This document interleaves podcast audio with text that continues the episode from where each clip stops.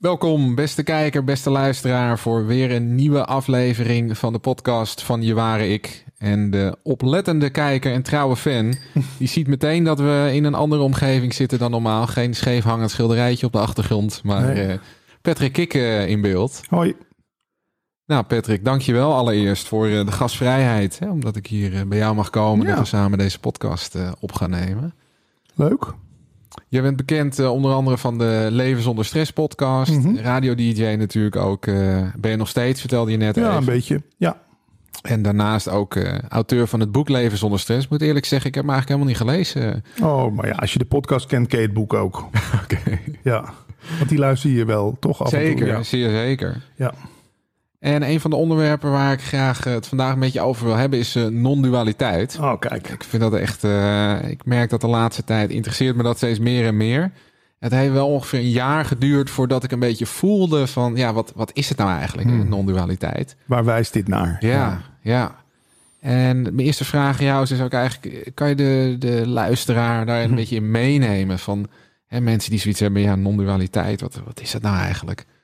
Ja, dat is iets inderdaad waar je rijp voor moet zijn, zeg ik altijd. Of dat Mhm. zeg ik eigenlijk niet altijd. Dat zeg ik nu voor het eerst tegen jou. Maar dat, dat, hoor ik wel vaak en dat is ook zo.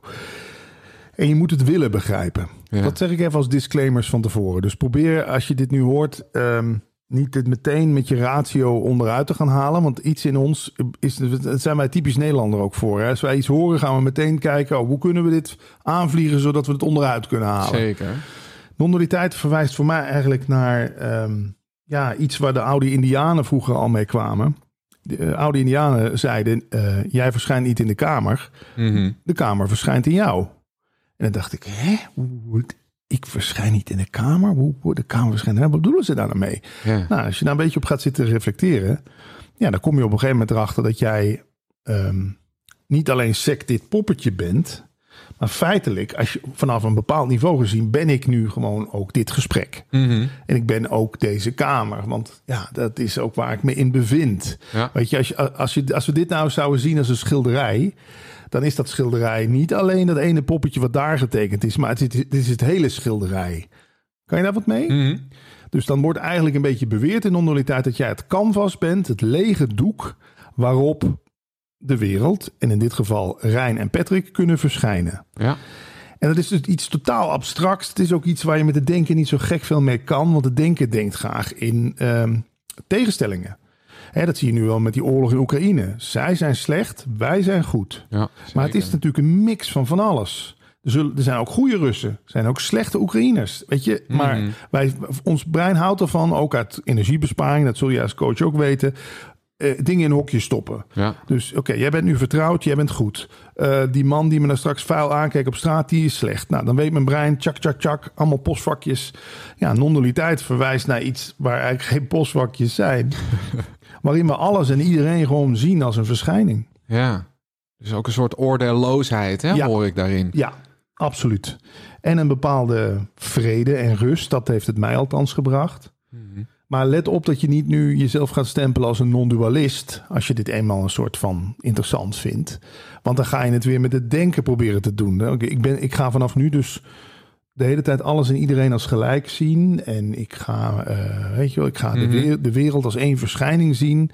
Dat is iets wat een soort van, ja, eh, een soort inzicht. Over een soort kijk die verandert. Ja, Een shift. mooi. Ja, kan je er wat mee? Ja, ik vind Oh, het een mooie omschrijving. Ja. En ik merk ook aan mezelf dat inderdaad juist door de gebeurtenissen in de wereld van de afgelopen Ja. tijd... dat het heel erg aan de oppervlakte eh, Ja. lijkt te komen. Hè? Je zegt het zelf al, Rusland, Oekraïne, nou ja, wit, zwart, links, rechts. Eh, Ja. Je kan het zo gek niet verzinnen of het komt natuurlijk wel tevoorschijn hè, in, het, eh, in het leven. En wanneer kwam het bij jou eigenlijk op in het leven dat je zoiets had van... hey, die non-dualiteit, dat, dat spreekt me aan. Wat, wat is dat eigenlijk? Ja, ook in de tijd van mijn burn-out. ehm, Mhm. Maar eigenlijk daarvoor al. Ik zeg eigenlijk altijd spiritualiteit in zijn algemeen. Mijn spirituele zoektocht heeft mijn burn-out een soort van versneld. Oké. Ja, want ik begon in 2004. Ik kan me nog goed herinneren. Een liefdesrelatie die niet lekker liep. Weer, weer, zo'n meisje, zeg ik dan weer. Maar dat is natuurlijk niet haar schuld. Mhm. Ik heb altijd met vrouwen een soort aantrekken afstoten. Hè? En zij was ook zo'n type die me dan wel weer leuk vond, dan weer niet. Dan wel, dan weer niet. Nou, dat deed natuurlijk zeer. Nou, wat ga je doen? Zoeken naar verdoving. Ja. En ik was niet van de drank en de drugs. Ik rookte niet. Eten deed ik wel graag. Maar toen kwam spiritualiteit op mijn pad. En toen dacht ik, weet je wat? Ik ga dat allemaal binge luisteren. Weet je nog van cd'tjes en alle documentaires bestellen op dvd toen nog. Ja, en toen kwam ik bij Eckhart Tolle uit van de kracht van het nu. Die ken Ja. je ook. Zeker. En toen viel daar een keer ineens het woord non-dualiteit. Ja, en toen ging ik googlen en toen ging er een wereld voor me open. Ja. Ja, en wat, ja, wat- wat- laat ik één ding zeggen wat het mij gebracht heeft. Ik had heel veel schuldgevoel. Met name naar mezelf toe. Een hele hier staat jouw rugzak. Die rugzak staat helemaal vol met stenen. Ja. Dit had ik anders moeten doen. Dat had ik anders moeten doen. Dit had ik beter moeten doen. Dit had ik nooit moeten doen. In non-dualiteit wordt de doener ook onderzocht. Hè? Als dit één verschijning is, zit er niet echt een ik in die ervoor kiest om nu zo met zijn hand te doen of om deze woorden te spreken. Dus waar is dan die schuldvraag? Tuurlijk doen we in de wereld nog steeds alsof we vrije wil hebben. En alsof als jij nu thee over mijn toetsenbord heen gooit, zeggen we Rijn heeft thee over het toetsenbord. Maar op een bepaald niveau gebeurde het ook gewoon. En kan ik Rijn, kan ik wel eeuwig boos blijven op Rijn dat hij thee over mijn toetsenbord heeft gegooid. Maar als jij toch de keuze had gehad om het wel of niet te doen, snap je wat ik bedoel? Mhm. Dus het heeft bij mij heel veel zelfbeschuldiging eh, weggedaan. En dus kon ik ook met veel meer compassie naar anderen kijken. Oh ja. Ja. En wat betekende dat? Met meer compassie naar anderen kijken? Wat, wat betekent dat voor je leven? Ja, dat is een enorme verandering. Het lukt me ook niet altijd. Maar de reden dat ik nu bijvoorbeeld eh, nog heel goed met mijn ex-vriendin om kan gaan. Mhm. We hebben nog geen ruzie gehad. Is, ja, dat, is, dat gebeurt toch vaak. Weet je, als je elkaar Ja. gaat, dan wordt het zelf, zij heeft het uitgemaakt. Hè? Dus je zou kunnen zeggen, ik kan haar heel veel verwijten. Mhm. Maar ik kan op een bepaald niveau ook gewoon inzien. Ja, je hebt ook gelijk eigenlijk. Dit kon ook niet meer zo als we nu met elkaar omgingen. Dit, had een, dit heeft een andere vorm nodig. Dus dan kijk je met compassie zelfs naar iemand die het uitmaakt. Maar je, eigenlijk een beetje zoals je ook naar een kind tot een jaar of drie kijkt. Een kind, hè? kind tot een jaar of drie mag spugen, poepen, plassen, alles omgooien. Dus we vinden alles schattig. Ja. Maar vanaf een jaar of drie zou het beter moeten weten. Hè? Oh ja. Ja, dan wordt er een persoon in die, in, die, in die baby, in dat kind geplaatst. En dan is het ineens, nu heeft hij ineens verantwoordelijkheid voor alles wat hij doet. Nu gaan we hem ook afrekenen. Hè? Je komt een soort van onder, onder curatele te staan als mens. Mhm. En ja, daar heb ik toch lang eh, last van gehad. Ook een beetje zoals jij, vanaf mijn puberteit is, dat, is, is die zelfbeschuldiging ja, enorm geworden. En nou, als er zoiets voorbij komt wat dat dan helpt, nou, dan gebruik je dat, toch? Ja, dat kan me voorstellen. ja. En je vertelde net even de metafoor van de rugzak, hè? De, de, Ja. de gevulde rugzak. Ehm, waar heb je je rugzak nog meer allemaal mee gevuld in, eh, in de loop van je leven? Maar ja, ook ijdelheid. Mhm. Want als je bij de landelijke radio terechtkomt, dan is het toch wel, hé, kijk eens. Dan, dan ben je iemand zogenaamd. Je krijgt geld, je gaat spullen kopen. Ik ben ook wel een spullenkoper. Oh ja. Kijk, die leegte of zo, of die pijn, hoe je het wil noemen, die probeer je toch een soort van op te vullen. Maar ja, ik denk ook wel dat je daar doorheen moet. Mhm. Ik weet niet hoe jij dat ziet. Ik bedoel, je kan, eh, je kan, ik kan wel tegen een kind van zeven zeggen... joh, als jij ooit een keer 18 bent en je wil heel graag wil jij die BMW... dat gaat jou niet gelukkig maken, want ge- geluk zit niet in dingen. Maar dat moet iemand eerst toch zelf ervaren, toch? Zeker. Ja. Dus ja, ik, ik ben wel een beetje opgehouden met, met non-dualiteit preken. In het begin, als je dit een beetje ontdekt, dan ga je, wil je dit, zeg je, dit moet op het 8 uur journaal. dit is zo bevrijdend, deze, dit inzicht. Maar daar ben ik voorzichtiger mee geworden. ja. Want hoe draag je het nu uit naar de wereld? Ja, nou, dat is een goeie. Ik probeer het een beetje subtiel af en toe. Ik ben al blij dat jij erover begint. Weet je, dat vind ik gewoon leuk. Dat is een teken dat jij er ook interesse voor hebt. Mhm. Eh, ik, ik probeer het nu een beetje gedoseerd zo hier en daar eens ter sprake te brengen. Maar als iemand er niet op aangaat, dan heeft het ook geen zin, joh. Hetzelfde als jij van sportvissen houdt. Je probeert mij enthousiast te krijgen voor sportvissen. dan komt hij weer met zijn hengel, weet je wel? Ja. Nou, wat ik altijd mooi vind aan jou, Patrick, hè? ik luister graag naar eh, de podcast die je opneemt. Mhm. En dat jij altijd heel open en kwetsbaar bent, hè? ook over je verleden met je ouders. Ja. En eh, nou ja, nu eigenlijk ook al hè, wat je vertelt over ijdelheid onder andere. En ehm, wat ik me dan afvraag, hè, want je hebt het dan op een gegeven moment. ehm, je vertelt ook heel erg over de dingen waar eh, je tegenaan loopt in het leven. Hè, de kleine dingetjes. Dat Mhm. je je ego als het ware door hebt. Ja. En wat doe jij als je je ego door hebt? Wat, wat, wat gebeurt er dan bij jou? Ja. er ook maar een beetje ook weer compassievol naar kijken. Dan denk je, oh gat, daar gaat Patrickje weer, weet je. Ja. Eh, Als je in de derde persoon af en toe naar jezelf kunt kijken. Ik weet dat sommige mensen dat heel arrogant vinden, maar ja, ik heb in non-dualiteit ook wel geleerd dat allebei de versies zijn er. Er zit in mij een Patrick ehm filantroop, hè. Mhm. Voor jou staat straks ook nog een leuke goodiebag klaar voor de reiskosten. Ja, zo ben ik. Ik vind geven heel leuk. Ja. Maar er zit in mij ook een Patrick gierigaard. Ja. Kan zijn als wij samen naar de snackbar zouden gaan en ik had de vorige keer betaald. En jij, en jij hebt nu niet de aanstalt omdat jij denkt ik ga nu betalen. Dan komt Patrick gierigaard aan de moeder zegt, wacht eens even. Weet je, of als je een euro te veel hebt afgerekend bij de kassa of zo. Dus ik heb gewoon geleerd wel dat die twee allebei in mij zitten. De- Ik, ik ben niet altijd heel vrijgevig. Ik ben ook niet altijd gierig. En, en zo zijn eigenlijk van, en dan komen we dus weer bij de dualiteit. In de wereld ja, zijn alle versies van jou beschikbaar. Er is de Rijn met geduld, maar er is ook denk ik een Rijn die een keer denkt in de rij bij de supermarkt. Schiet nou godsnaam eens een keer op, hé. Oh, waar is dan op dat moment Rijn die altijd zoveel geduld had? Ja, die is er even niet. Ja. Dus dat, dat noem ik het, het ego-spelletje van al die... Dat zijn, ja, noem het een soort Muppet-opa's op een balkon... of noem het een soort stemmetjes die de hele tijd met elkaar discussies voeren. De monkey mind. Ja, de monkey mind. Ja, Ja. je kent het. Maar ja, hoe kan je daarmee omgaan? Door de, kijk, ego is ook wel iets... eh, Als je, hoe meer je er tegen verzet, hoe harder die stemmetjes worden. Mm. Hè? Dus laat het zich maar uitrazen. Oh ja, nu is weer die discussie gaande van... moet ik wel of niet zo gaan zitten? Of had ik toch andere kleren aan? Ja, nou ja, prima. Het niet is, ik denk dat dat het is. Ik heb ook wel eens de oefening gehoord van mensen... dan moet je er een soort stemmetjes aan geven. Oh ja, ja, ja, die ken ik. je, hè? Ja. Wordt het helemaal belachelijk, hè? Nou, je had toch eigenlijk een andere trui aan moeten doen vandaag. En dan zie je wat... maar ik geef ook toe, het is niet altijd even makkelijk. Als ik twee nachten niet zo goed geslapen heb... ja, dan is het voor mij ook lastig om het niet serieus te nemen. Al die, al die klagers, zullen we Ja. maar zeggen. Ja, alsof je er toch minder scherp bent Ja. erop of zo, hè? Minder alert. Ja. Ja. Ik moet denken aan... eh, ik volg momenteel een opleiding en daar zijn we ook met de Monkey Mind bezig. Mhm. En eh, diegene die die opleiding organiseert had allemaal van die aapjes voor ons gekocht. Ja? Dus ik zie nu letterlijk ook ja, dat aapje even, op je schouder. ja. ja. Om letterlijk dat aapje op je schouder te zetten, ja. Maar dat dan gewoon niet meer te serieus te nemen. Dat er een soort. Ik heb wel een soort plek in mezelf ontdekt die dat een soort van kan aanschouwen of zo. Mhm. Want dat is het ergste als je je verliest in dat, in dat, in dat drama, zullen we maar zeggen. Daarom nu ook met die oorlog. Ik zie mijn vader bijvoorbeeld. In het begin zat hij de hele godganse dag tv te kijken, journaal te kijken. Ik zeg, pa, Ah. voed je daar nou niet mee? Vind je het gek dat je angstig wordt? Ik bedoel, het is erg, maar het is nu nog 2000 kilometer verderop.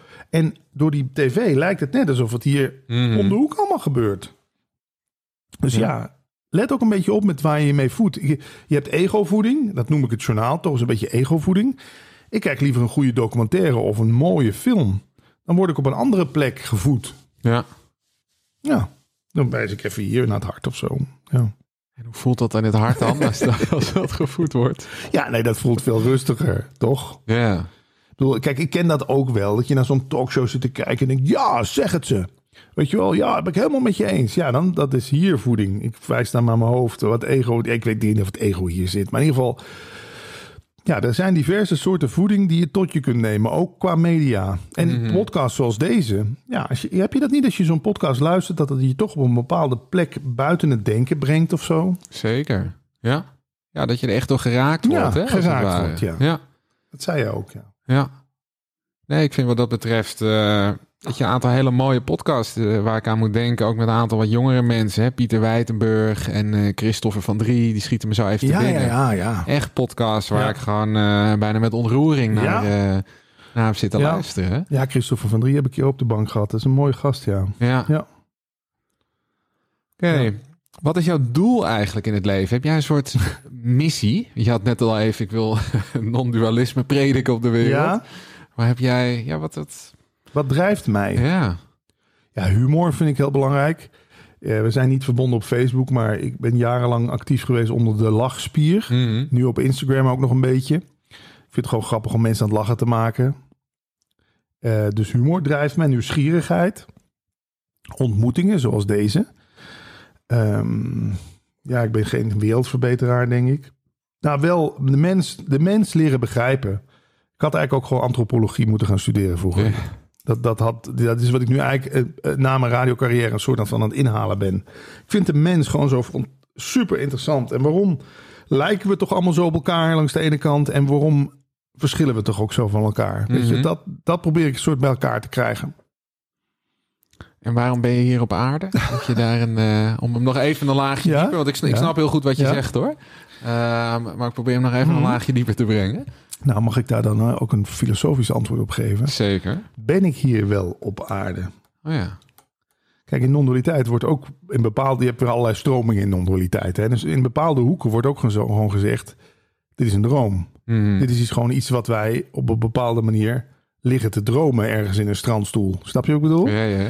Want als je het vergelijkt met s'nachts dromen, soms kunnen s- dingen s'nachts ook enorm levensecht aanvoelen. Hè? Je schrikt wakker uit een droom. Wat nou als wij doodgaan en het eerste wat we hebben is dat we, dat we ergens zijn, dat ze ons allemaal op de schouder slaan en zeggen: Ah, dat was, dat was een goeie, hè? Daar heb je het ook mooi ingetrapt, hè? 80 jaar lang. Je dacht dat het allemaal echt was. Dus ja, ik, waarom ben je hier op aarde? Ja, ik, ik, ik probeer daar eh, inderdaad van een andere kant naar te kijken. Eh, als je het aards wil maken, zeg ik soms ook wel, en ik hoop dat je dat niet te zweverig vindt, maar ik zie het universum als een soort uitzendbureau. Mhm. Nu zet het me hier neer in een gesprek met Rijn. Eh, straks zit ik voor de tv eh, met een vriendin te bellen. Loop ik rond, ga ik naar de winkel, ben ik weer buurman. Snap je? Alsof je gewoon als een soort poppetje overal geplaatst wordt. Ja. En daar dan maar niet te veel betekenis aan proberen te geven. Want het kan best zijn dat dit, dit de laatste podcast was die ik opnam. Ik loop straks naar buiten en er valt een steen op mijn hoofd. En dat was het, weet je wel. Dus ik, ja, ik ben en proberen daar niet te veel mee bezig te zijn. Wat zit er een plan achter? Geloof Achter je? het hele gebeuren. Ja, je, ze zeggen wel eens, kijk, jouw podcast heet niet voor niks je ware ik. Misschien kunnen we daar nog een beetje op reflecteren. Eh, die ik, dat is natuurlijk toch ook wel een beetje de verkramping op de een of andere manier. Mhm. hè? Mezelf heel erg als ik definiëren en niet als wij. Weet je wat ik ook zo mooi vind? Ik hoorde laatst dat ze weer een andere stammen, ik geloof in Australië of zo. In ieder geval ook een Indianenstam of een stam in Afrika. Daar, daar hebben ze niet eens een woord voor ik. Daar zeggen ze gewoon, we hebben dorst, we gaan drinken. Daar is het gewoon één organisme, weet je wel? Wij zitten natuurlijk hier alleen maar te ikken de hele dag. Ik dit, ik dat, ik zus. Moet je maar stellen hoe vaak ik ook voorkomt in een stuk tekst of zo. Mhm. Terwijl, ja, als je dus weet dat het ook op een andere manier kan, dat je gewoon veel meer vanuit het collectief leeft. Ja, dan zou voor mij dus de, de, de bedoeling van het hele geheel zijn, toch denk ik dat je hier wordt geboren. Als kind zie je nog geen verschil tussen jou en de rest van de wereld. Weet je, je ziet wel handjes, maar je weet niet dat het jouw handjes zijn. Nou, dan komt die ik erin. Hè, dan gaan we heel lang geloven dat we een individu zijn met vrije wil die alles, alles maar voor elkaar kan krijgen. Zeker nu, hè, leef je mooiste leven. Ja. Ja, en op een gegeven moment begint toch een beetje het besef van, ja, maar sommige, veel dingen gebeuren ook gewoon. Dus misschien is het dat wel de bedoeling, dat je, je wordt geboren als ene, als, als, als heelheid. Dan word je een eenling. En uiteindelijk her- her- herinner je je weer, maar wacht eens even, ik was eigenlijk gewoon onderdeel van het geheel. Ik was het geheel. Mhm. Maar ja, wie kan je dat met zekerheid zeggen? Ja. Dus geloof jij in toeval? Toeval. Nou, wel dat de dingen je toevallen. Ja.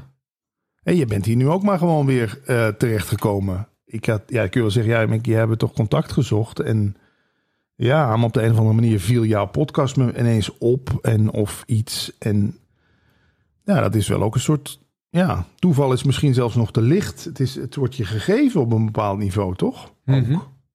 Die vrouw die je leert kennen, ja, heb je dat nou, dat is vaak ook door stom toeval, toch? Of heb je jouw vriendin echt uitgezocht in een catalogus? Nou, ik geloof wel dat ze met een reden op mijn pad is Ja. gekomen of zo, Ja. weet je wel. Ja. En eh, ik geloof dat in een soort van hele grote lijnen dingen wel een soort van voorbestemd zijn Hmm. of zo. En dat je daarbinnen wel je speelruimte hebt van hè, eh, durf ik het aan om met Patrick een podcast op te nemen of kies ik voor mijn comfortzone en doe ik het niet. doe ik de buurman, hè, Ja, om maar even wat te ja. zeggen. Ja. Ehm, dus dat je daarin natuurlijk wel zelf eh, die stap kan zetten. Maar dat in hele grote lijnen, onze ontmoeting, ja, blijkbaar, ja, Het ontstond. ja, Ja. En, en, en vaak dit noem ik wel eens divine timing. Weet je wel, je kent dat toch ook? Dat je soms net een bus mist en dan sta je te balen. Maar doordat je de bus gemist hebt, kwam je die oude bekende tegen... waarmee je later weer een bedrijfje begonnen bent. ja, Van, van dat soort toevalligheden hangt het leven wel samen, hè? Ik, dan ben ik een doos aan het opruimen. Dan kom ik een oud visitekaartje tegen. Dan denk ik, ah, voeg dat nummer nog een keer toe. Kijk of dat het nog een nummer van diegene is op WhatsApp. En dan zie je die foto. Ja hoor, dat is diegene Ah, ja. nog. En dan heb je weer leuk contact. ja. Ja, dat, ik geloof er wel in, ja. Maar geloof is ook wel weer iets... Ja, dat kunnen we het ook wel een hele podcast over vullen. ik, met non-dualiteit ook bijvoorbeeld, ik moet er niet te veel in gaan geloven. Want dan, ja, weet Dan ik wordt het, wordt het een geloof letterlijk. Ja, wordt het een ja. isme. Ja, Dan wordt het inderdaad non-dualisme in plaats van non-dualiteit. Ja. ja. Ik zie hier trouwens een mooie spreuk eh, op, eh, op tafel Oh. staan. Volg je meestal je hart of je hoofd? Of spreuk, een vraag ja, dat is een vragenkaartje. Ja. Die wil je nu erin gooien? ja, ik zie hem toevallig Ja, hier eh, staan. toeval. Ja. Vol, ik volg meestal mijn hart. Maar het hoofd bemoeit zich er wel mee. Ja. En niet altijd in, in goede zin. Weet je wel? Ik ben door die media, eh, door dat mediawereldje best wel achterdochtig geworden. Mhm. Weet je, mediawereldje is toch vaak van, nee, gaan we doen. En je hoort er nooit meer wat van, weet Ah, je wel. ja. Of eh, van, wat een top idee. Nou, weet je, of ja zeggen en nee denken. Dus ik, ik, mijn hoofd is nog wel eens bij, vaak bij mensen die denken, hé, wacht eens even. Eh, wat hij zegt en wat hij doet, dat past niet bij elkaar. Daar moet ik een beetje alert voor zijn, Mhm. op zijn. Maar ja, eh, ik weet niet hoe, ja, het hoofd.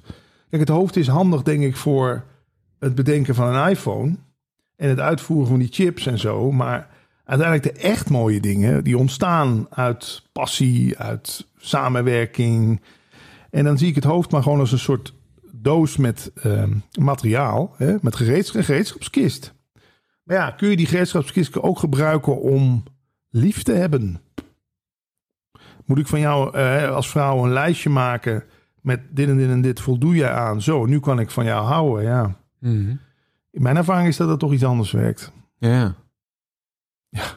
Ja, toch? En dan, dan ga je met je hart denken als het ware. Of kijken, laten we het zo zeggen. Kijken met je hart, ja. Want hoe, hoe kijk jij met je hart? Hoe, hoe verbind jij met je hart? Ja. Nou, dat is ook iets wat toegestaan moet worden. Weet je wel, dat, eh, tussen ons vloeit het nu ook. En soms voel je dat dat afketst bij iemand. Hè? Dat er Ja. dus een mu- muurtje voor zit. En dan kan ik wel met mijn hart kijken. Maar dan kijk ik dus gewoon zo tegen een muurtje aan. En dan merk ik automatisch dat ik ook wat cognitiever word. Dan ga ik ook maar eh, wat wereldproblematiek met jou bespreken. Of, eh, of dan ga ik ook maar wat kennis uitwisselen of zo, weet je wel. Ja. Het, het moet wel, eh, ik heb de eh, ervaring dat het wel toegestaan moet worden. Dat je mag kijken met je hart. Maar misschien is er ook nog wel een fase achter. Want er wordt natuurlijk gezegd van ja, het is makkelijk om van met je hart naar een schattige baby te kijken. Maar durf maar eens met je hart naar een, een soldaat uit Rusland te kijken. Wow, dat is de echte oefening, hè? Mhm. Want ook hij heeft een verleden en een vrouw en een kind en familie. En wordt daar maar die oorlog ingejaagd. En, maar ja, dat is iets wat je beter ook niet te veel kan ventileren. Want dan krijg je toch meestal de rest van de wereld weer op je dak. Wat zegt van ja, maar wat zit jij nou? Daar mag je helemaal geen compassie voor hebben. Voor de dader. Mhm. Hè? We denken natuurlijk altijd heel erg in dader en slachtoffers. Maar Ja. uiteindelijk is in deze oorlog zijn ze allemaal slachtoffer, toch? Tuurlijk. Ja. De, de mens is het ja, slachtoffer. de mens hè? is het slachtoffer. De bevolking. Ja. Maar ja, het is zo lekker makkelijk voor denken. Hè? Goed, fout, kwaad, slecht, goed. Wij zijn goed, zij zijn slecht. Ja.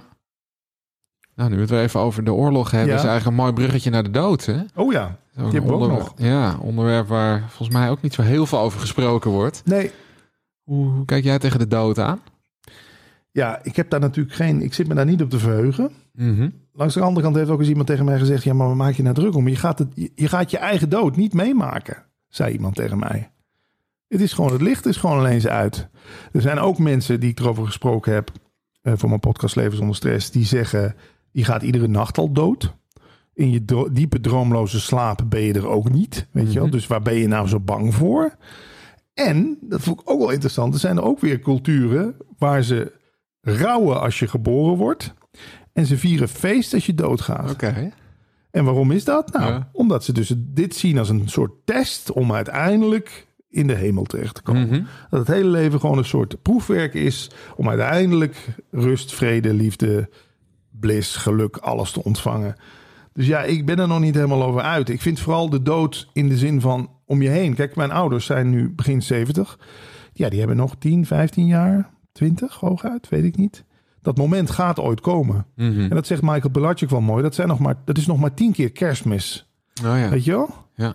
En als je er zo naar kijkt, maar daar handel ik dan ook op. Ik ben de laatste tijd veel meer bij ze. Ze wonen natuurlijk in Limburg. Ik blijf daar vaak een paar dagen slapen of nachten. Dat ik daar overnacht. Ja. ik, ik denk dat de dood wel, als we niet dood zouden gaan, weet ik niet of het er echt veel aan was aan het feestje hier, Mm. toch? Net als met dit gesprek. We weten dat dit, ja, we hebben nu een half uur, drie kwartier, een uur. Stel dat jij zei, ja, we acht uur, maakt niet uit. Kijk, wat, het blijft oneindig doorgaan. Ja, dan denk ik, ik begin er niet eens aan, weet je wel? Ja, doe, Ja. het is misschien maar goed dat de dood er is, dat we er toch nog iets van maken of zo. Want ik, ik merk het nu al. Ik heb financieel heb ik het goed. Ik heb veel vrije tijd. Maar vroeger, als je dan weekend had, weet je wel, ja, we hebben weekend. Mhm. We hoeven niet te werken. Ja, ik heb altijd weekend. Ja. dus wat zegt het woord weekend mij dan nog? Ja. Dus ik, ja, ik, ja, ik denk dat de dood dat ook wel gewoon in zich heeft. En ik zou willen dat we er iets meer eh, mee, gewoon makkelijker mee omgaan. Begraafplaatsen zijn ook vaak ergens achteraf. Mm. Hoog hek eromheen, hoge Ja. heg eromheen.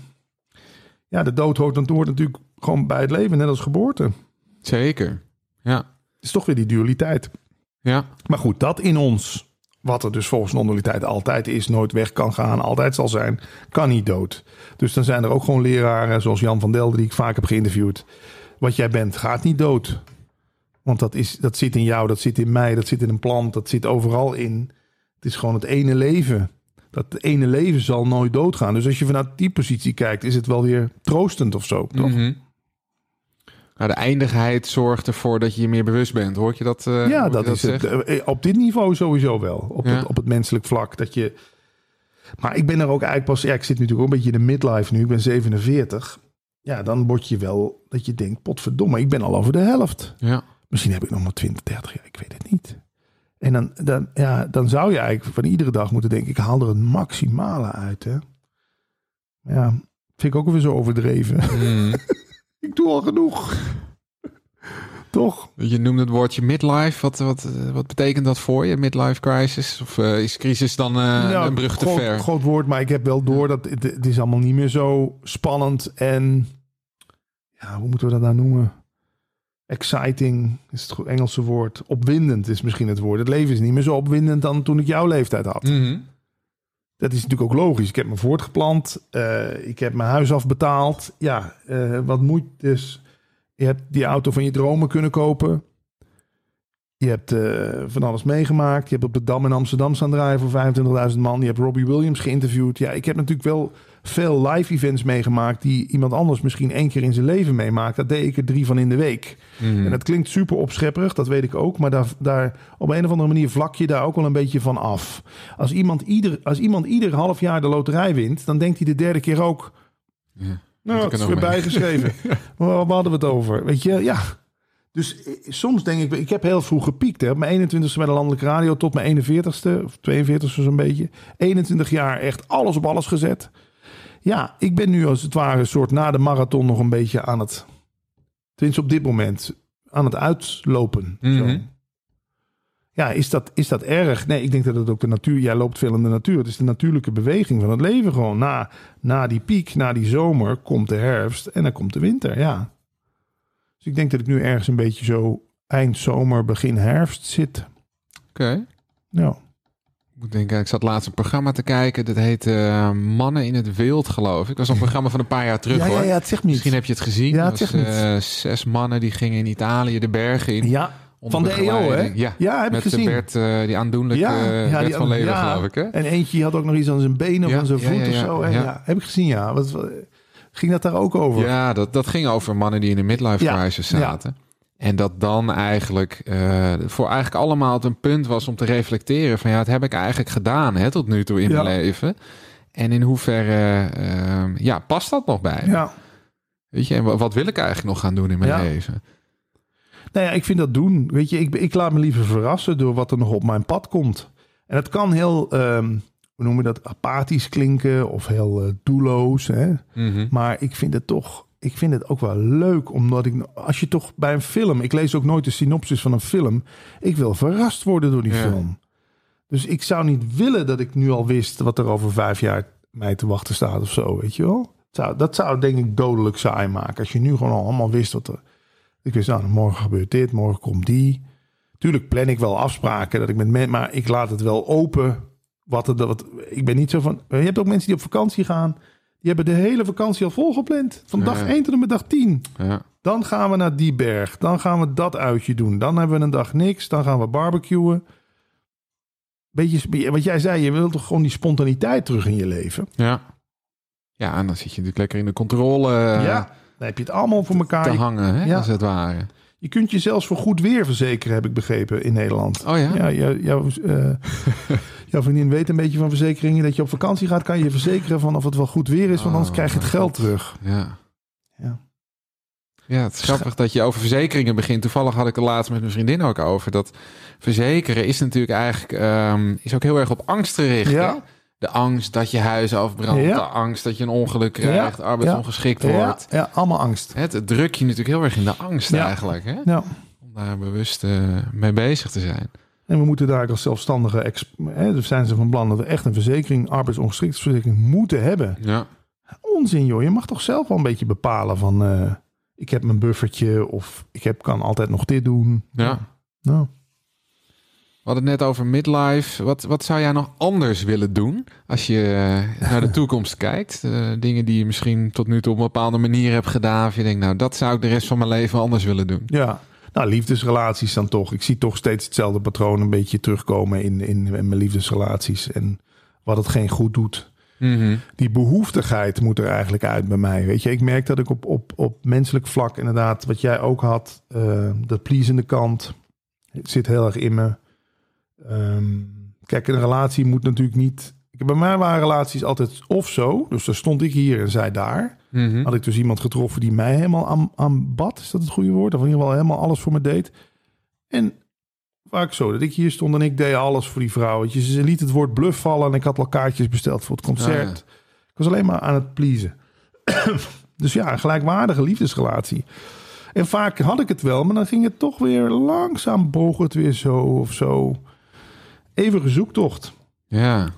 Want hoe ziet dat eruit, een gelijkwaardige lief- liefdesrelatie? Zie, zie je dat voor je? Hoe, je? hoe je dan je zou gedragen, hoe dat dan zou zijn? Ja, hoe is dat? Even over na. Ik neem even een Ja, slokje. ik neem onderhand ook een slok. Hmm. Ja, ehm, ja, toch eh, voor jezelf opkomen. Eh, grenzen stellen. Nou, ik vind dit niet oké. Niet wat ik van mijn moeder geleerd heb, alles maar met de mantel de liefde bedekken en dan maar zeggen van, eh, ah ja, kon je ook niks aan doen, hè? Ja, nee, het is zoals het is. Kijk, dat is natuurlijk wel het nadeel als je met spiritualiteit en non-dualiteit aan de slag gaat. Het is ook zo'n beroemde gevleugelde uitspraak, het is wat het is, hè? Het is Ja. zoals het is. Maar als je dat op alles maar toepast, oké, je vriendin appt niet terug, je vriendin gaat, eh, of je vriend gaat slecht met je om. Houd er een ander op naar. Kun je ook zeggen, ja, het is wat het is. Ja, Mhm. hallo. En waar ben jij in dit verhaal? Ja. Dus natuurlijk moeten we niet ontikken. Je moet wel stevige basis hebben. Maar ja, ik was daarin denk ik ook een beetje aan het overcompenseren. In de zin van, ik ben zelf ook van de vrijheid. Dus ja, mijn vriendin, ex-vriendin inmiddels kocht een paard. Die was op een gegeven moment alleen nog maar met de paard bezig. De ouders hadden er zelfs gewaarschuwd, gezegd, let nou op. Patrick is er ook nog, hè? Ja, ja. Maar ja, Patrick vond alles maar prima. En die dacht, nou ja, als ik mijn natje en mijn droogje maar heb. En eh, ja, is toch leuk dat ik ook gewoon eh, eh, de helft van de week in Vinkenveen, de helft van de week in Arnhem. Mhm. Ja, het werd, een, het werd toch een, een constructie die niet meer heel opwindend was. Dus in ieder geval geen vriendin met een paard, Patrick. Ja, dat zeggen mensen, ja. Pas op, je komt altijd op de tweede of de derde plaats. Maar ja, ik weet niet of dat een stelregel is. Ja. Nee, maar dat is alle gekheid natuurlijk Ja. op een stokje. Hè? Wat je natuurlijk eigenlijk zegt is meer je eigen grenzen aangeven. En misschien ook meer je behoeftes eh, daarin Dat. uitspreken. Ja. Maar ik ben vrij gauw tevreden. Ik ben wel iemand, als je mij een kruimel geeft, ben ik eigenlijk al tevreden. Oh, ja. En dat is, ja, is dat een goede of is dat een slechte eigenschap? Ik weet het niet. Vooral omdat ik ook al zoveel dingen op mijn bordje heb gehad, ook leuke dingen, dat ik soms ook een beetje inzie dat ik denk, ja, zou het nou echt zoveel uitmaken of, of jij nou de hele dag, avond voor mij in de keuken hebt gestaan en, en, en of voor ons en je maakt een enorm lekkere maaltijd, of we kijken op newyorkpizza.nl en we bestellen een pizza. Snap je ik bedoel? Mhm. Ja, zeker. Ik kan daar dan. Ik zal dat misschien weer opnieuw moeten leren of zo. Omdat ik met dat andere al zoveel verwend ben in mijn leven. Het heeft ook veel Ja. met verwend zijn te maken. Ja. Dat je op een gegeven moment ook denkt, ja, Doet me niet meer zoveel. nee, het doet me niet meer zoveel. En dat is natuurlijk een houding, een onverschillige houding, die wel inderdaad misschien wat levenskwaliteit of levensgeluk zou kunnen dwarsbomen. Maar ja, dan komen we op het thema geluk. Ik weet niet of we daar nog tijd voor hebben om over te praten. geluk is wel echt een ding. Ik, dat heb, ik ben gestopt met proberen geluk uit de wereld te halen. Mhm. Kan je daar iets mee? Ja, zeker. Uit externe factoren. Ja, uit externe Ja. factoren. Ik ben gewoon gelukkig. Ik ben gewoon bijna gewoon zelf. Eh, Dat wordt als gezegd, een baby komt als geluk op aarde. Mhm. Dat huilt wel, maar dat wordt, daardoor wordt het geluk niet gedwarsboomd. En ik heb ook jarenlang gedacht, ik moet geluk halen uit lekkere Nespresso koffie. Of ik moet geluk halen uit weer een nieuwe auto. Ja. Maar het maakt je twee, drie dagen gelukkig zo'n auto. En daarna is het geluksniveau gewoon weer hetzelfde. Dus ik ben er wel achter gekomen. Geluk is wat je meebrengt hier naar het feestje. En dan heb ik dus ook niet meer zoveel externe factoren nodig om mij gelukkiger te maken dan ik al ben. Mhm. En ik vind dat wel gezond, volwassen ook. Want ja, wat ik vroeger dacht ik ook, ja, dan we maar weer naar de action en of de macro waar we er straks over hadden. Die andere podcast voor leven zonder stress. Ja, dan gooi ik het karretje vol en dan stond het daar in de doos. Pakte ik pas drie maanden later die printer een keer uit. Ja, wat ben je dan aan het doen? ja. Waar koop je dan voor, hè? Ja, een Ja. soort kortstondige bevrediging. Je kent die stofjes ook allemaal wel in ons brein. Mhm. Dopamine, serotonine. tjoe, tjoe. Ja.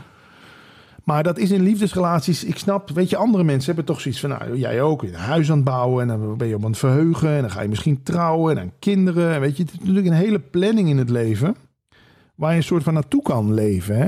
En in een liefdesrelatie lijkt me dat ook al gezond. Je hebt de datingfase, en leren kennen, blijf je voor het eerst bij elkaar slapen, bla bla bla bla bla.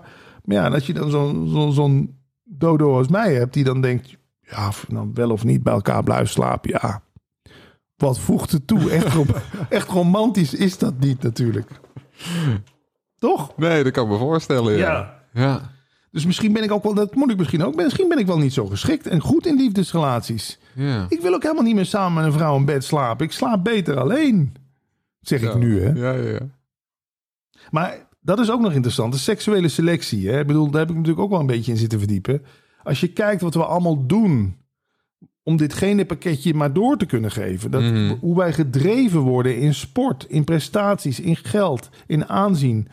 Toch, al- dit is net als die pauw met die veren. Ja. Of dat vogeltje wat een heel mooi nestje gebouwd heeft. En dan de hele tijd, tweet, tweet, tweet, tweet, tweet, kom bij mij, kom bij mij, plant je voort. Ja, ik denk dat dat wel ook een gezond iets is van als je een beetje boven de 45 bent. Dat dat testosteron ook een beetje in je afneemt. Je bent niet meer zo bezig met eh, de andere seks en moet mij eh, kiezen. Mhm. Dat is lekker hoor, dat geeft rust. Ja? Ja, Waar merk je dat aan? ja aan alles. Dat ik ook, ik zie nog wel mooie vrouwen, weet je wel, maar ik hoef er niks mee. Oh ja. Dat is echt, eh, maar nu wordt het weer lente. Soms ben ik al eens bang en denk, oh, het wordt weer lente. Weet je wel, ik voel het aan mijn instrumenten. Ken je dat niet? dat je die weer denkt, het wordt weer lente. Dan komen die blote benen en alles komt weer tevoorschijn. En het wordt ons mannen ook niet makkelijk gemaakt, toch? Ja, ja, ja. Dat denk ik dan. Maar dan merk ik, als je ouder wordt, het doet je nog wel iets. Maar je, je, ja, ik vind dat soms dat heigerige gedrag ook achter die vrouwen aanrennen de hele dag. Of ik weet niet of dat andersom ook is. Ja, van vrouwen naar mannen toe. Maar dat spel, daar ben, dat, dat spelletje heb ik nu ook wel een beetje gehad. Mhm. Dat versierspel, dat, dat there, done that bijna. Maar ja, dat zeg ik nu wel hardop. Misschien loop ik straks naar buiten en denk wow. Ja, Nieuwe buurvrouw. ja, ja, hoppa. En dan ga ik ineens afvallen en sporten. En ja, de gekste dingen. Maar dan wel met de wetenschap op de achtergrond. Dit gaat jou, dit lijkt nu wel alsof dit het ultieme levensgeluk is wat je aan het najagen bent. Maar dat is gewoon weer een soort betovering van de natuur. Mhm. Weet je, dit lichaam, net als verliefdheid, een soort betovering is. Dat is toch allemaal weer gericht op eh, reproductie, voortplanting. En ik weet dat als een vrouw dit zal horen, of jouw vriendin, die zou ook wel zeggen: Jezus, wat, een, wat is die man teleurgesteld door het leven? Zo zou je het ook kunnen uitleggen. Van die, die geniet nergens meer van. Maar dat is, ik geniet echt nog wel. Maar ik probeer op de een of andere manier dit apparaat, en dan wijs ik naar het hele lichaam, inclusief het brein, Mhm. probeer ik een beetje van een afstandje te aanschouwen en te zien: oh god, daar gaat hij weer. Ja. Dan gaat hij zich weer ineens heel erg presenteren. Nou, hè? Of dan wil hij weer ineens indruk maken. En waarom eigenlijk? Wat, wat, wat, wat, gaat, dat, wat gaat dat brengen? Weet je, je mag, ik vind je mag best een beetje kritisch naar je eigen handelen kijken, toch? Zeker. Ja. ja. Ja. Dus dat, dat doe ik dan maar, ook in dit soort gesprekken. Ja, ik vind het wel mooi, want het is heel iets wezenlijks wat je volgens mij ook zegt, hè, over de, ehm, het plezier en het geluk en de voldoening. Hè, we worden natuurlijk heel erg, nou ja, bijna opgeleid, wil ik wel zeggen. Tenminste, zo even heb ik het ervaren. Ja. Hè? Om geluk buiten onszelf te halen. Juist. Hè? In plaats van naar binnen te keren Ja. en, eh, en te kijken van ja, hoe, hoe kan ik het geluk in mezelf Ja, vinden? ja, daar lopen geen spotjes voor. Nee, Het is echt kapitalisme wat dat, wat dat opwekt in ons. Hè? Wat heb je nog een iPhone 10? De iPhone 13. ja. Die moet jij hebben. Van tien, daar kan je helemaal niks meer mee. daar kan je nergens mee tevoorschijn. Loop je, nog, loop, loop je nog met die schoenen? Hoe lang heb je die schoenen al? Ja. Je ziet wat het met de planeet doet ook. Hè? Ik bedoel, die, die, die, die hyperconsumptie en, Mhm. en ook dat wegwerpkleding gemaakt wordt en zo. En auto's ook gemaakt worden op kapot gaan. Want je moet na Ja. twee jaar een nieuwe of in ieder geval op, op dure reparatie. Mhm. Nou ja, dan kunnen we het. Ja, dat, dat, maar goed, het heeft geen zin inderdaad, omdat buiten je, dat vind ik zo mooi. Iedereen is natuurlijk aan het buiten zich ook aan het veranderen. Hè? Dus dan moet dat moet beter. Nee, inderdaad, jouw geloof in dat die wereld jou iets heel erg essentieels gaat brengen. Daar mag je wel eens naar kijken. Ja, Is dat niet die betovering? Daar hebben ze in non-dualiteit ook een naam voor. Dan noemen ze dit Maya. De, de toverkracht van de wereld. Die jou iedere keer probeert te verleiden. Om te denken, hè, een beetje dat idee van die eh, Adam en Eva met die slang en die appel. Hè? Ja, geloof dat dit echt is. Geloof dat geluk in de wereld te vinden is. Geloof dat als je dit schilderij koopt, dan, Dan heb je het. Dan Ja. heb je het. Weet je wel, ja, het is, het, is, het is een soort hypnose waar we met z'n allen in leven. ja. Ja, Dan zie ik hier ook een foto van je dochter, hè, volgens Ja. mij staan. Wat, wat zouden kinderen, en misschien je dochter in het bijzonder, ehm, moeten leren hè, in, het, in het opgroeiingsproces, in het volwassen worden proces, om, om beter met dit soort dingen om te kunnen gaan? Ja, ik hoop toch inderdaad dat, dat dat als, als ze denken dat geluk heel erg zit in. Ehm, nou, nee, laat ik het zo, ik laat ik het anders aanvliegen. Als je een kind vraagt wat wil je later worden, dat vind ik eigenlijk al een rotvraag, weet je wel. Mhm. Eigenlijk zou ik, en dat probeer ik met mijn dochter ook, haar gewoon het gevoel te geven dat je er bent, is al voldoende, weet je wel. Je bent ge- moet je eens kijken, man. Je geboren, je, hebt, je kan lopen, fietsen, wat kan je niet allemaal al? Ja. En ook gitaar spelen. Ik denk, wauw, wat een bonuspakket. Nee, maar ja, dan heb je natuurlijk altijd wel opa's en oma's en, en, en tantes en, en neven en nichten die zeggen... Ja, ja, ga maar goed leren dat je later... Alsof het geluk ook weer later komt. Als je, dan kan, ben je advocaat en dan komt het grote geluk. Nou, leer ze dat het grote geluk... dat dat eigenlijk nu al alleen in het nu te vinden is. Maar ja, daar is ook moed voor nodig. Want een kind kan dat natuurlijk ook wel opvatten. Oh, nou, dan laat ik alles uit mijn handen vallen Mhm. geen huiswerk meer te maken. Want ja, ik ben nu, Doel toch, weg of zo. ja, Ja. ik ben nu toch al gelukkig. Dus misschien een beetje gedoseerd. Ja, ik vind ook, weet je, dan had ze laatst van de moeder had ze schoenen gekregen. Van die, jij kent dat waarschijnlijk. Want je bent ook een beetje hip. Eh Robertson, Dr. Roberts, weet ik hoe die, die grote, die, van die schoenen Van die kisten of ja, zo. van die kisten. Ja, Ah, dat, die heel erg in zijn. Robertson, Robinson, weet ik hoe ze heten. Ja, schoenen van 150 euro. Ik denk, Mm. ja, schoenen van 150 euro voor een meisje van 12. Ik zeg er dan maar niks van. Ik hoop dan maar dat voor haar nu niet het zaadje geplant wordt... dat ze altijd voortaan schoenen moet hebben van 150 euro. Dat jij de volgende bent die die voor moet kopen. Nee, maar mij, mij, ze woont bij de moeder en de stiefvader. Dus ze ziet bij mij ook al...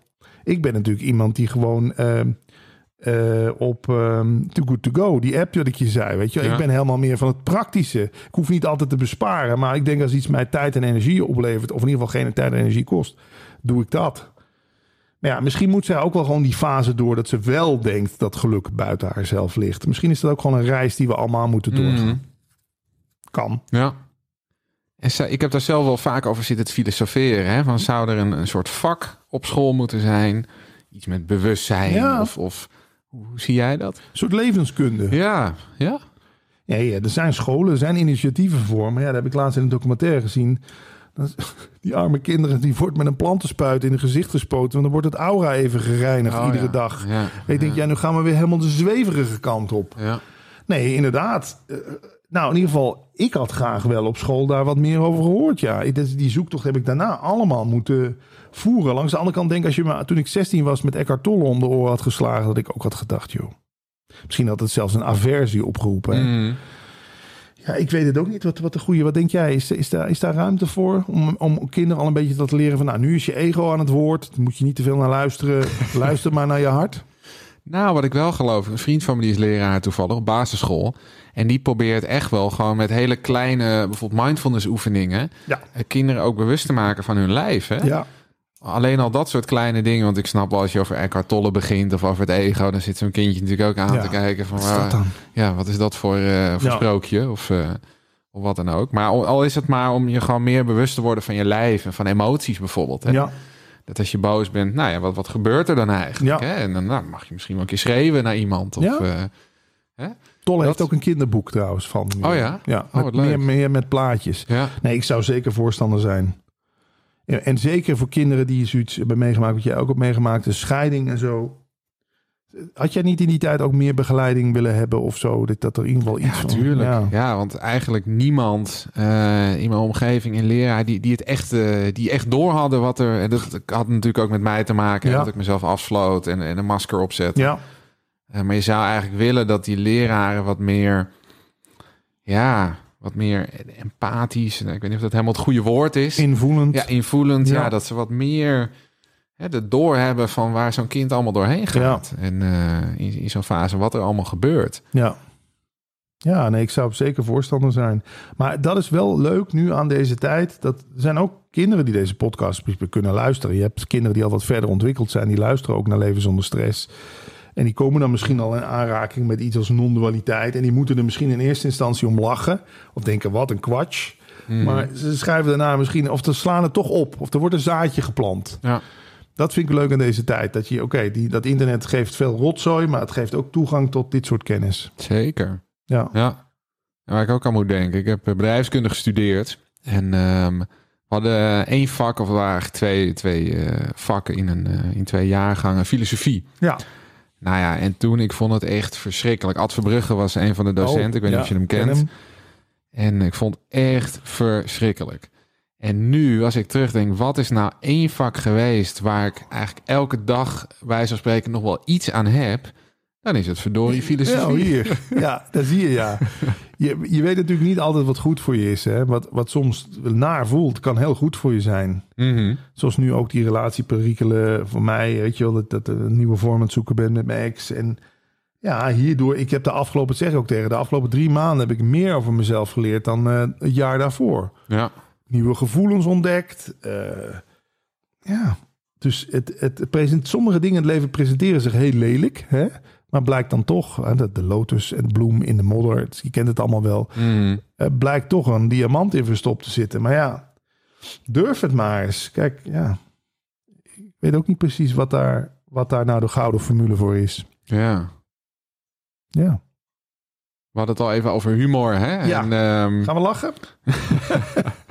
nou, ik, ik moet wel regelmatig om jou lachen. Oh, hè? Want je, je, je post natuurlijk dingen over... eh, nou, de lachspier noemde je al even op. Ja. En ik zag er laatst ook eentje voorbij komen waar ik echt wel hard op moest ja, lachen. welke was dat, Dat was van dat boek. Ja? Of een boek met 50%. Ja, En dat je zei, wat was ook weer 50% eh, makkelijker leven of zo? ik heb een boek gevonden waarop stond... "Vij- hiermee los je 50% van je problemen op. Oh ja. Dus ik heb er twee gekocht. Ja. het is zo simpel. Ja, ja ik hou ervan. Is het eh, een soort uitlaatklep voor je, die, die, die, die grappen? Want eh, hey, het is, ze kan best regelmatig voorbij. Ja, nou ja, ik kan er een serieus antwoord op geven. Het heeft ook met veiligheid te maken. Als ik jou aan het lachen maak, Mhm. ben jij mijn vriend, eventjes. Ben jij veilig voor mij? Heb ik jou als het ware een soort van ontmanteld, weet je wel? Zeg ik het voor, moet je je voorstellen dat iemand met een mes voor je staat en je maakt hem aan het lachen. Dan laat hij waarschijnlijk zijn mes vallen. Ja. En dat heb ik me als kind heel erg aangeleerd. Ook met mijn vader. Die kon ook nog wel eens, eh, eh, eh, nou ja, toch best wel verbaal agressief uit de hoek komen. Ik dacht, als ik hem nou aan het lachen maak, dan staat hij aan mijn kant. Op school deed ik eigenlijk hetzelfde. In de klas, als ik, als ik de mensen aan het lachen had, stonden ze aan mijn kant. Was de sfeer goed? Was er geen, als je zo gevoelig bent zoals jij en ik, probeer je ook de sfeer altijd goed te houden. Mm. Dus met humor probeer ik... eh, Ja, je moet opletten dat, je niet, dat humor niet een soort masker wordt weer. Hè, ze zeggen wel eens, de clown huilt van binnen. Ja, achter het masker zit gewoon veel verdriet. Maar ja, ik heb ook wel geleerd... humor ja, is gewoon een cadeautje wat je uitdeelt. En Shakespeare heeft volgens mij ooit wel eens gezegd... humor is een hoge vorm van liefde. En dat, ja... Als, ik, als ik, jij en ik elkaar lachen maken... We denken, we zijn, waar, waar zijn we dan met onze problemen? Die bestaan even niet, toch? Ja, dat is waar. Dus ik Ja. vind humor een heel krachtig medicijn. En ja, dat is denk ik ook de reden waarom ik het nog... Sommige mensen zeggen eens, ja, die platte humor... en heb je hier allemaal van die mooie filosofische gesprekken. Dat kan toch niet samen? Nou, voor mij kan dat wel samen. Ja. Ja, ik was vroeger ook een van de eerste met een website in Nederland. Kikker.com, funny files met grappige filmpjes. Toen was er nog geen YouTube. En toen was jij denk ik... Je bent van 87. 87. Nou, dan heb je het misschien nog net meegekregen. Maar was je, ja, was je tien. Toen het internet een beetje net opkwam, toen dacht ik... hé, hey, dat is leuk, dan kunnen we elkaar weer gaan vermaken. Mhm. Dus dat heb ik ook gedaan. Ja, humor. Ja, mooi. Wil jij eh, de kijker en de luisteraar nog iets meegeven, Patrick? Eh, Nou, deze pen.